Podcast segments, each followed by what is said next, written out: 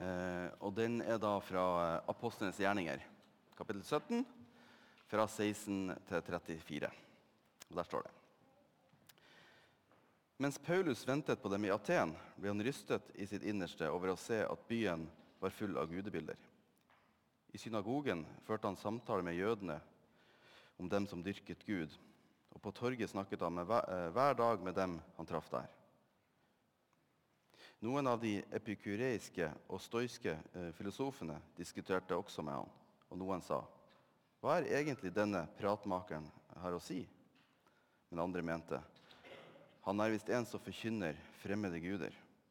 Det var fordi han forkynte evangeliet om Jesus og omstandelsen. oppstandelsen.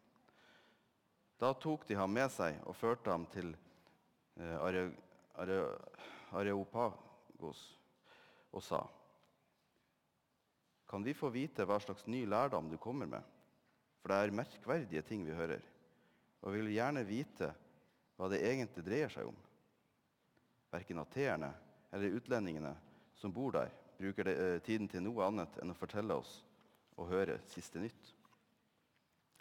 Da sto Paulus fram for Apageosrådet og sa.: Ateniske menn, jeg ser at dere på alle måter er svært religiøse.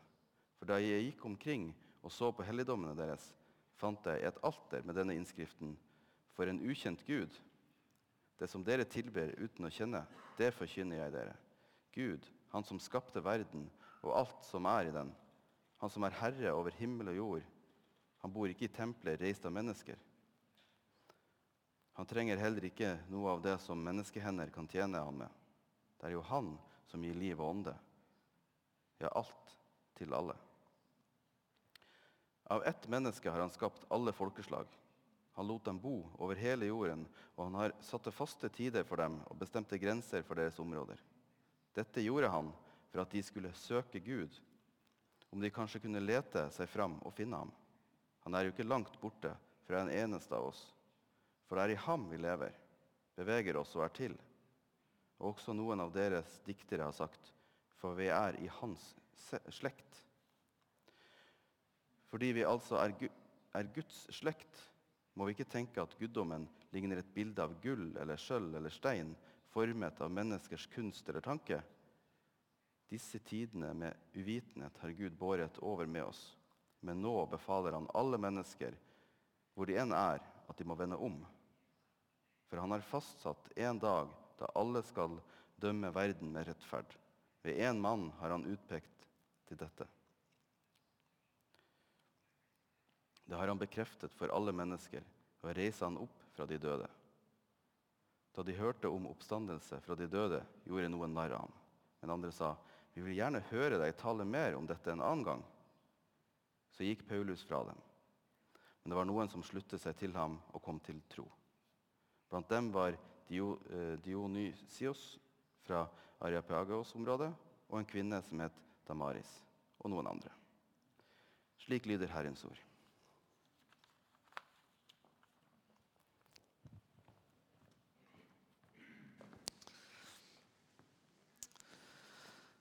For et par eh, uker siden så var jeg i et bryllup i Oslo. Um, og Så kom jeg til vielsen. Der var en del kjentfolk som jeg kunne prate med før vielsen starta, og som jeg kunne prate litt med etterpå. Og Så måtte jeg settes i busser og bli kjørt til festlokalet. Uh, og når jeg kom til festlokalet, så skulle jeg være der i tre timer før brudeparet kom. Og oppdaga til min store forferdelse at det ikke var noen jeg kjente der. Alle var helt ukjent. Fordi de Vennene mine de var bare invitert til kaffen, eh, mens jeg skulle også være i middagen. Så da var det bare å ta fram alt en hadde av smalltalk-evner, og prøve å liksom komme seg gjennom det her på best uh, mulig måte. Og eh, Dere som har drevet litt med idrett, eller eh, spilt fotball eller gått på ski, dere vet at eh, noen ganger så går det liksom på skinner teknikken sitter, og du treffer på alle pasninger, eller glien eh, på skia er helt perfekt, og eh, festet er godt, og du får akkurat bra, eh, riktig fraspark. Og denne var en, gang, en sånn gang for meg. Jeg var on fire i smalltalken. Det funka dritbra. Og hvis smalltalk har vært en idrettsgren, så tror jeg jeg har gjort det bra. Eh, Sett bort, bort, fra at det var et litt internasjonalt bryllup, så det var mange amerikanere der.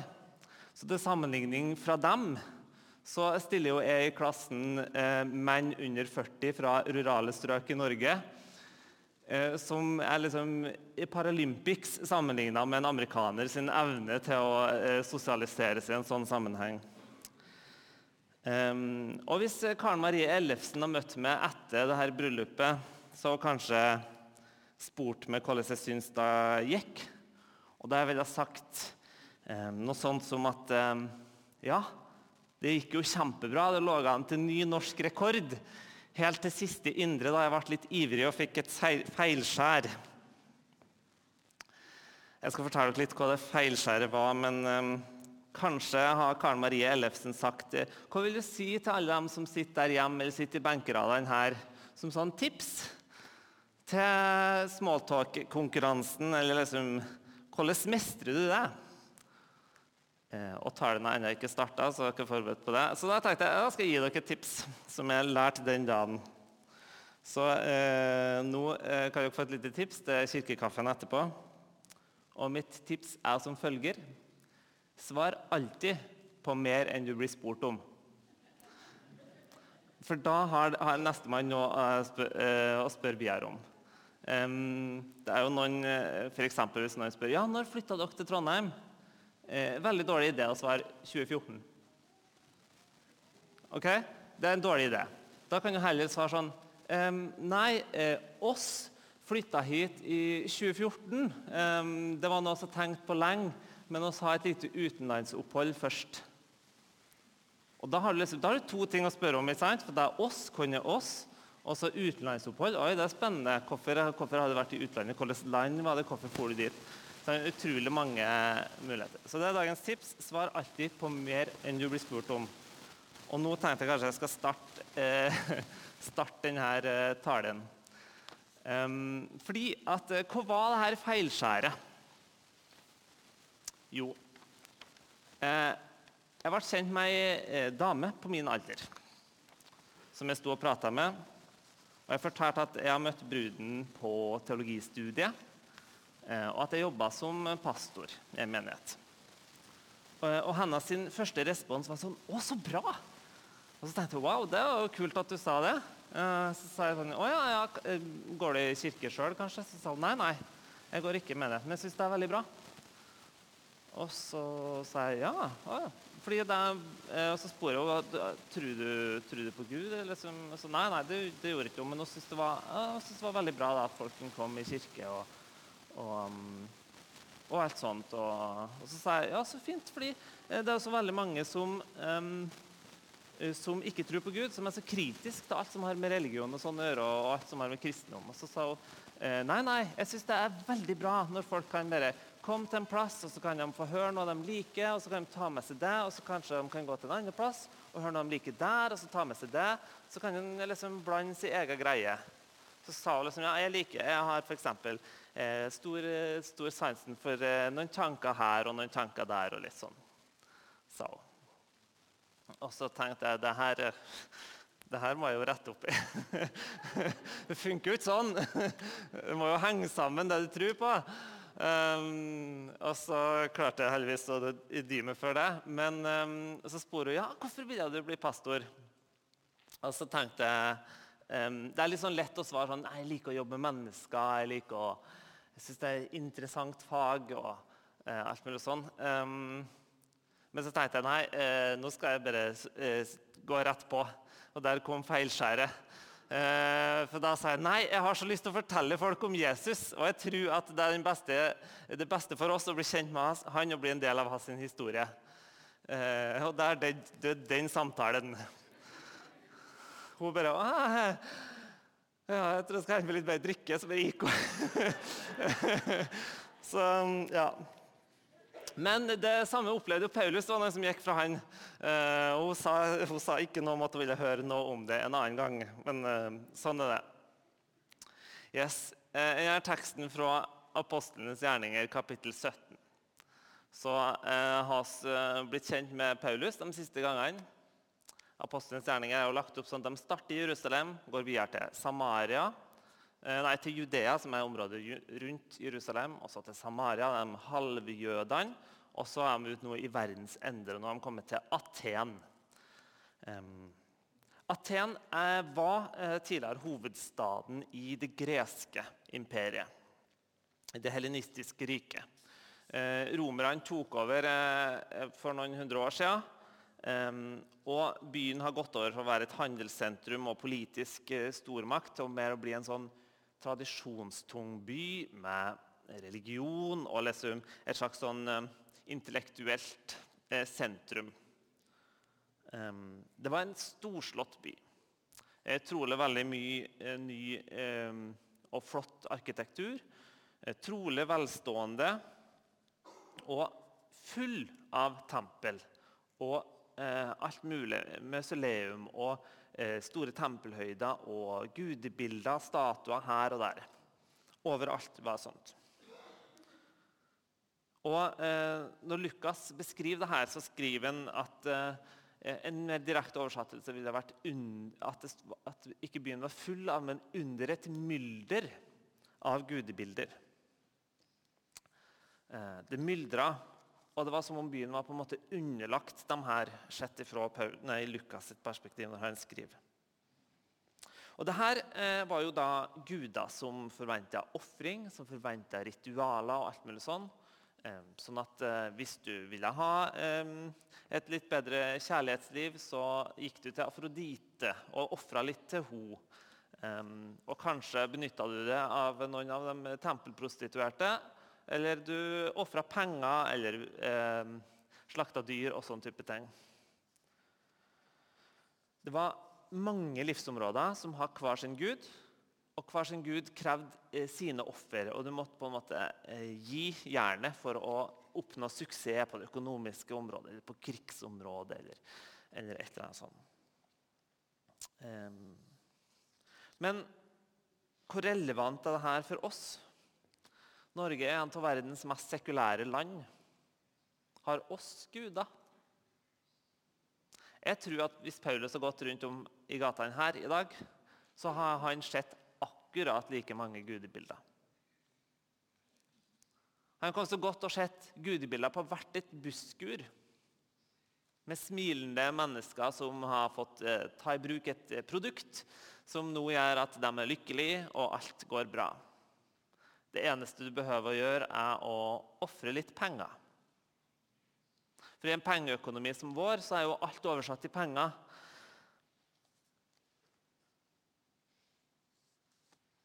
Og det går rundt mennesker som fungerer som levende reklameplakater, som skriver om det i, på nettet og i sosiale medier og sånn. Og alle de her reklamene eller alle de her menneskene forteller at du er nødt til å ofre litt. Du er nødt til å ofre litt penger, du er nødt til å ofre litt tid eller for å, å oppnå akkurat det her. Fordi hele reklamebransjen baserer seg jo på at dere som sitter i salen her, dere mangler noe, og oss kan tilby det. Bare dere gir litt penger.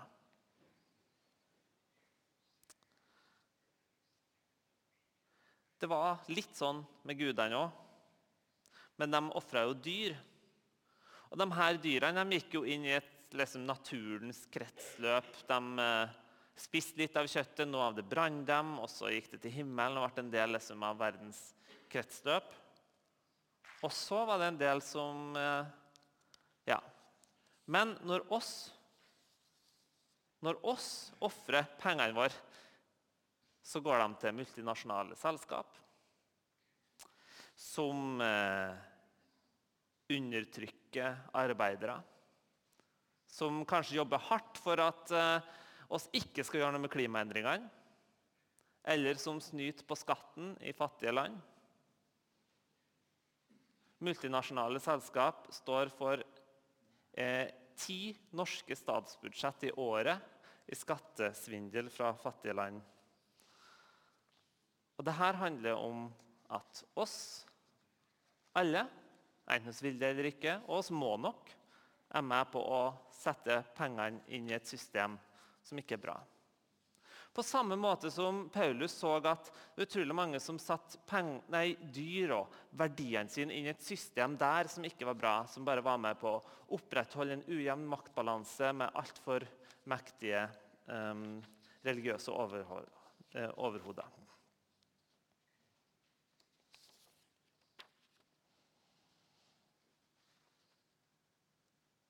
Så hva er det Paulus gjør?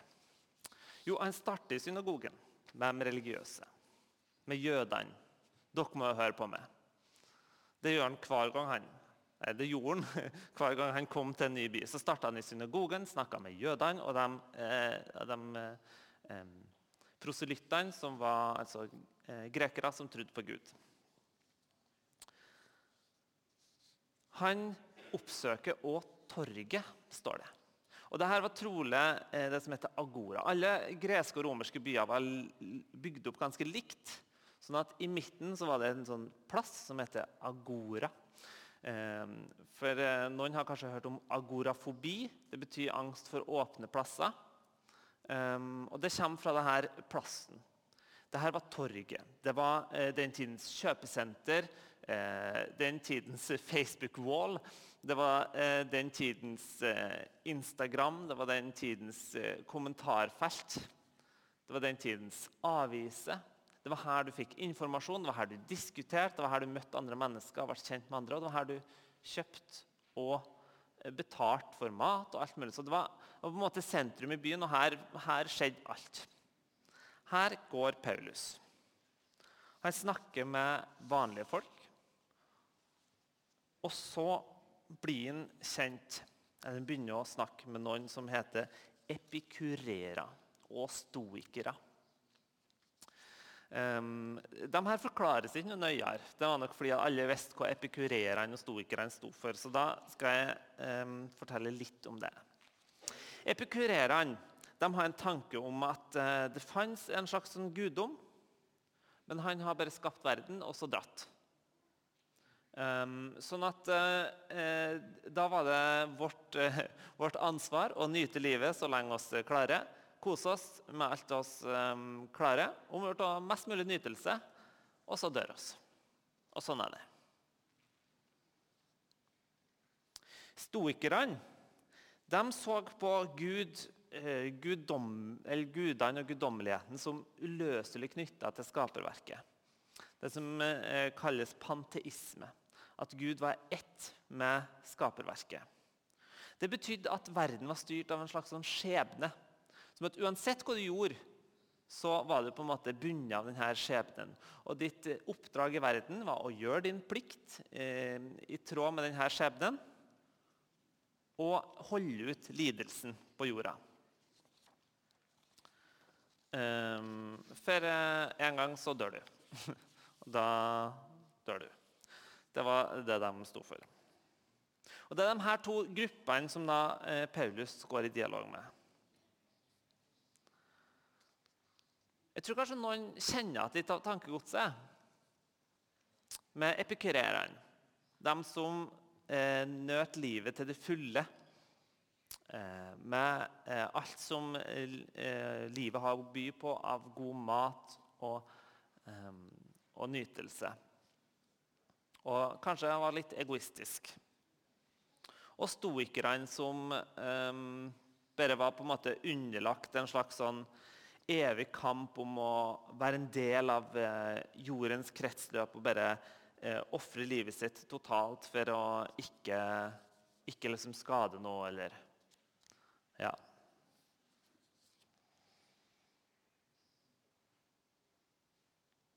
Jeg tror budskapet til Paulus var provoserende.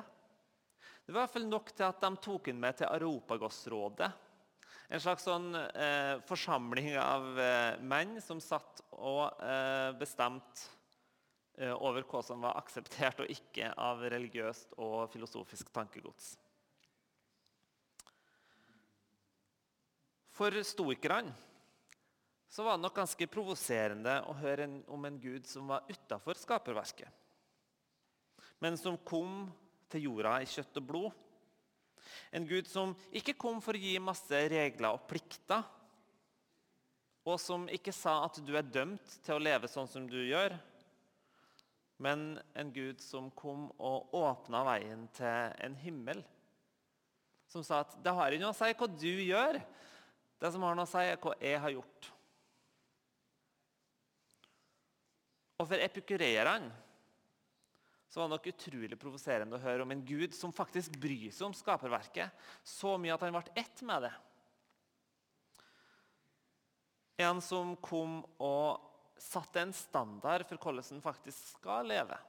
Og en som kom og sa at det er ikke likegyldig hvilke valg du tar her i livet, fordi at det kommer en dag en dom. Så hva er det da Paulus formidler? Når han nå blir tatt med opp på det Aropagos-rådet, de der smartingene som sitter og skal bestemme hva som er greit og ikke å mene Før jeg sier noe om det, så ønsker jeg å nevne noe som bare blir nevnt så vidt i teksten. Helt i starten så står det mens Paulus ventet på dem i Aten. Jeg kan bare si, De han venter på, det er Silas og Timoteus. De er i Berøa, som er fire-fem timers kjøretur i dag eh, unna. Så det tok noen måneder før de kom. Um, så det er dem han venter på. Mens Paulus ventet på dem i Aten, blir han rystet i sitt innerste over å se at verden, nei, byen var full av gudbilder. Rystet i sitt innerste. Det er tydelig at Paulus var sterkt berørt. Så sterkt berørt at det førte til handling. at nå må, jeg, nå må, jeg, si noe. Nå må jeg formidle noe til denne forsamlingen. Jeg kan ikke bare sitte her og vente og eh, lage teltene mine mens jeg venter på eh, Silas og Timoteus. Nei, jeg må gjøre noe.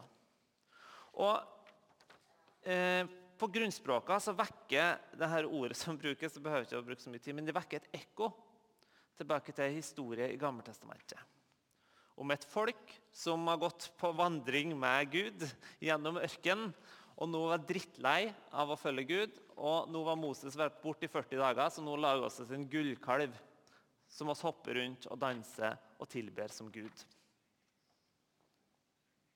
Det sinnet som beskrives som Gud har der, det er noe av den følelsen som Paulus sitter med.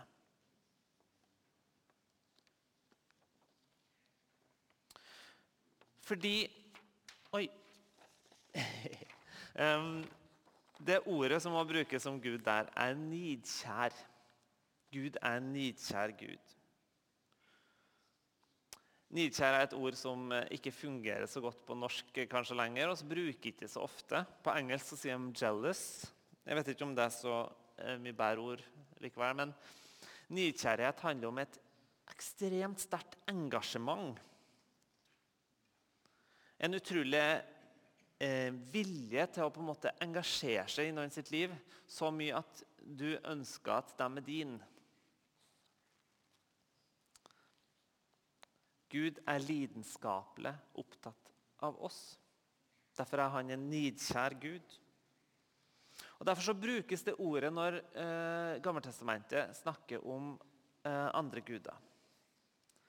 I 2. Mosebok kapittel 20, eh, fra de ti bud, så står det Du skal ikke ha andre guder enn meg. Du skal ikke lage deg gudebilder, ingen etterligning av noe som er oppe i himmelen eller nede på jorden eller i vannet under jorden.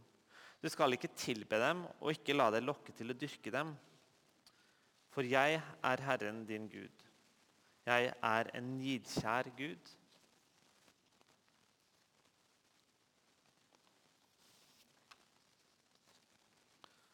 Og Paulus han får litt på denne sorgen, smerten for Gud, over å se et folk som ikke tilber han, men som tilber Ares, Artemis, Hermes eller um, ja, Jeg tror ikke jeg skal ramse opp flere, for jeg kan ikke så mange. um, men han kjenner på et sånt sterkt engasjement Men det er som er kalt til å være Gud. Alle de her andre gudene de blir aldri fornøyd. Er allerede fornøyd fordi at jeg har skapt dere.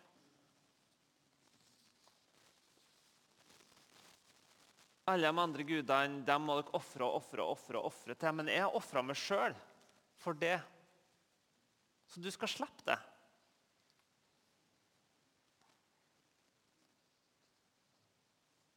På samme måte har oss mange guder i dag. Om det er suksess, om det er den perfekte familien, eller om det er penger i overflod, eller om det er det perfekte utseendet. De driver oss til offer, offer, offer, offer, men oss blir jo aldri fornøyd.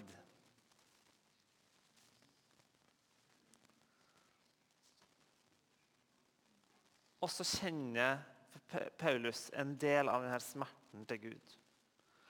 Og det er en del av den smerten som Paulus kan oppleve fordi at han vet at han er ett med Kristus. Fordi han lever tett på Jesus. Fordi han lar Den hellige ånd få rom i livet sitt.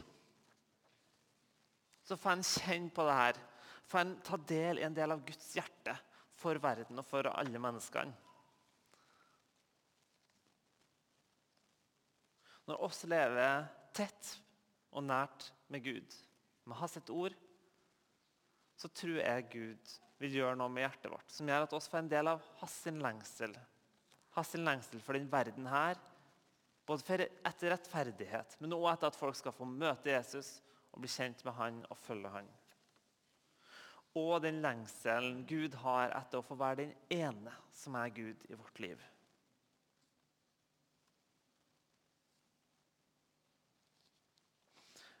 Men hva slags Gud er det Paulus forkynner? Det første Paulus begynner å snakke om, er hvor religiøse de er.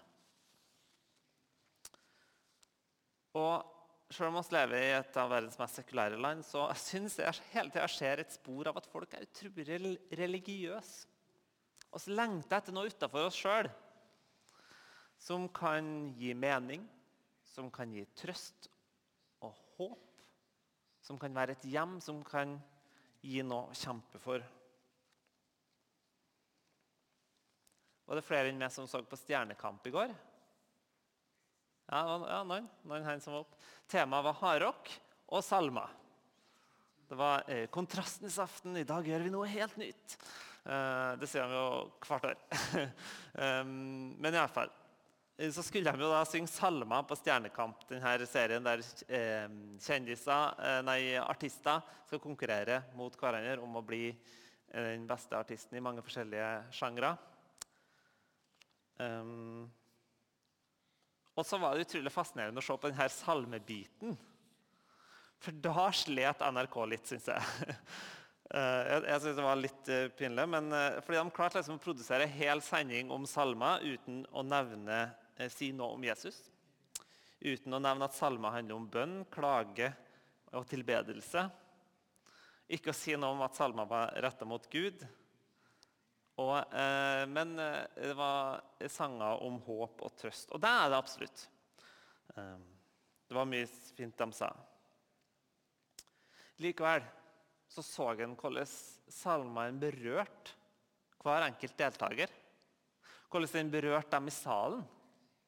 Hvordan var et eller annet med at når det kom en himmel over livet, så treffer det oss på de dypeste strengene i hjertet.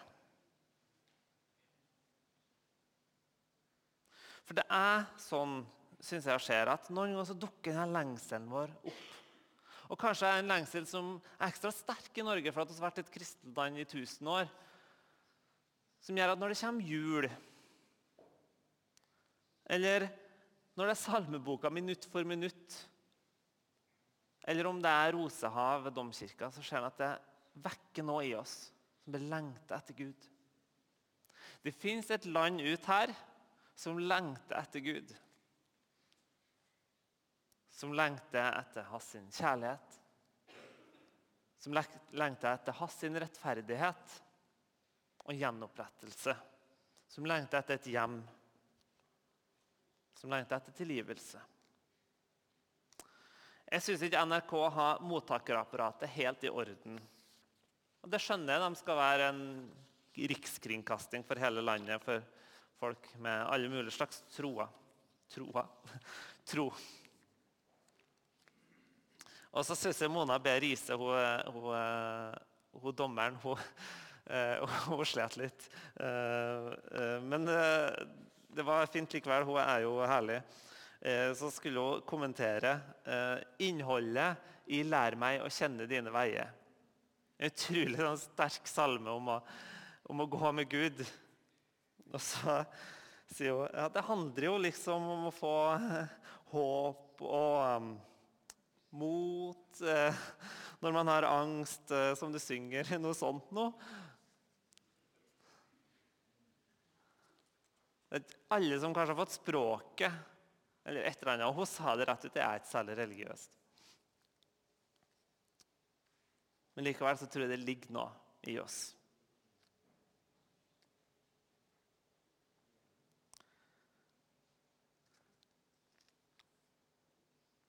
Jeg tror at oss er et land som lengter etter noe, noe større enn det oss har. Jeg tror det er noe som gir utslag når plutselig hele landet går med raske briller. Det er et eller annet som bygger fellesskap, et eller annet vi står sammen om. Eller når eh, plutselig utrolig mange vender om til veganisme og gjør det til sin trosretning, nærmest.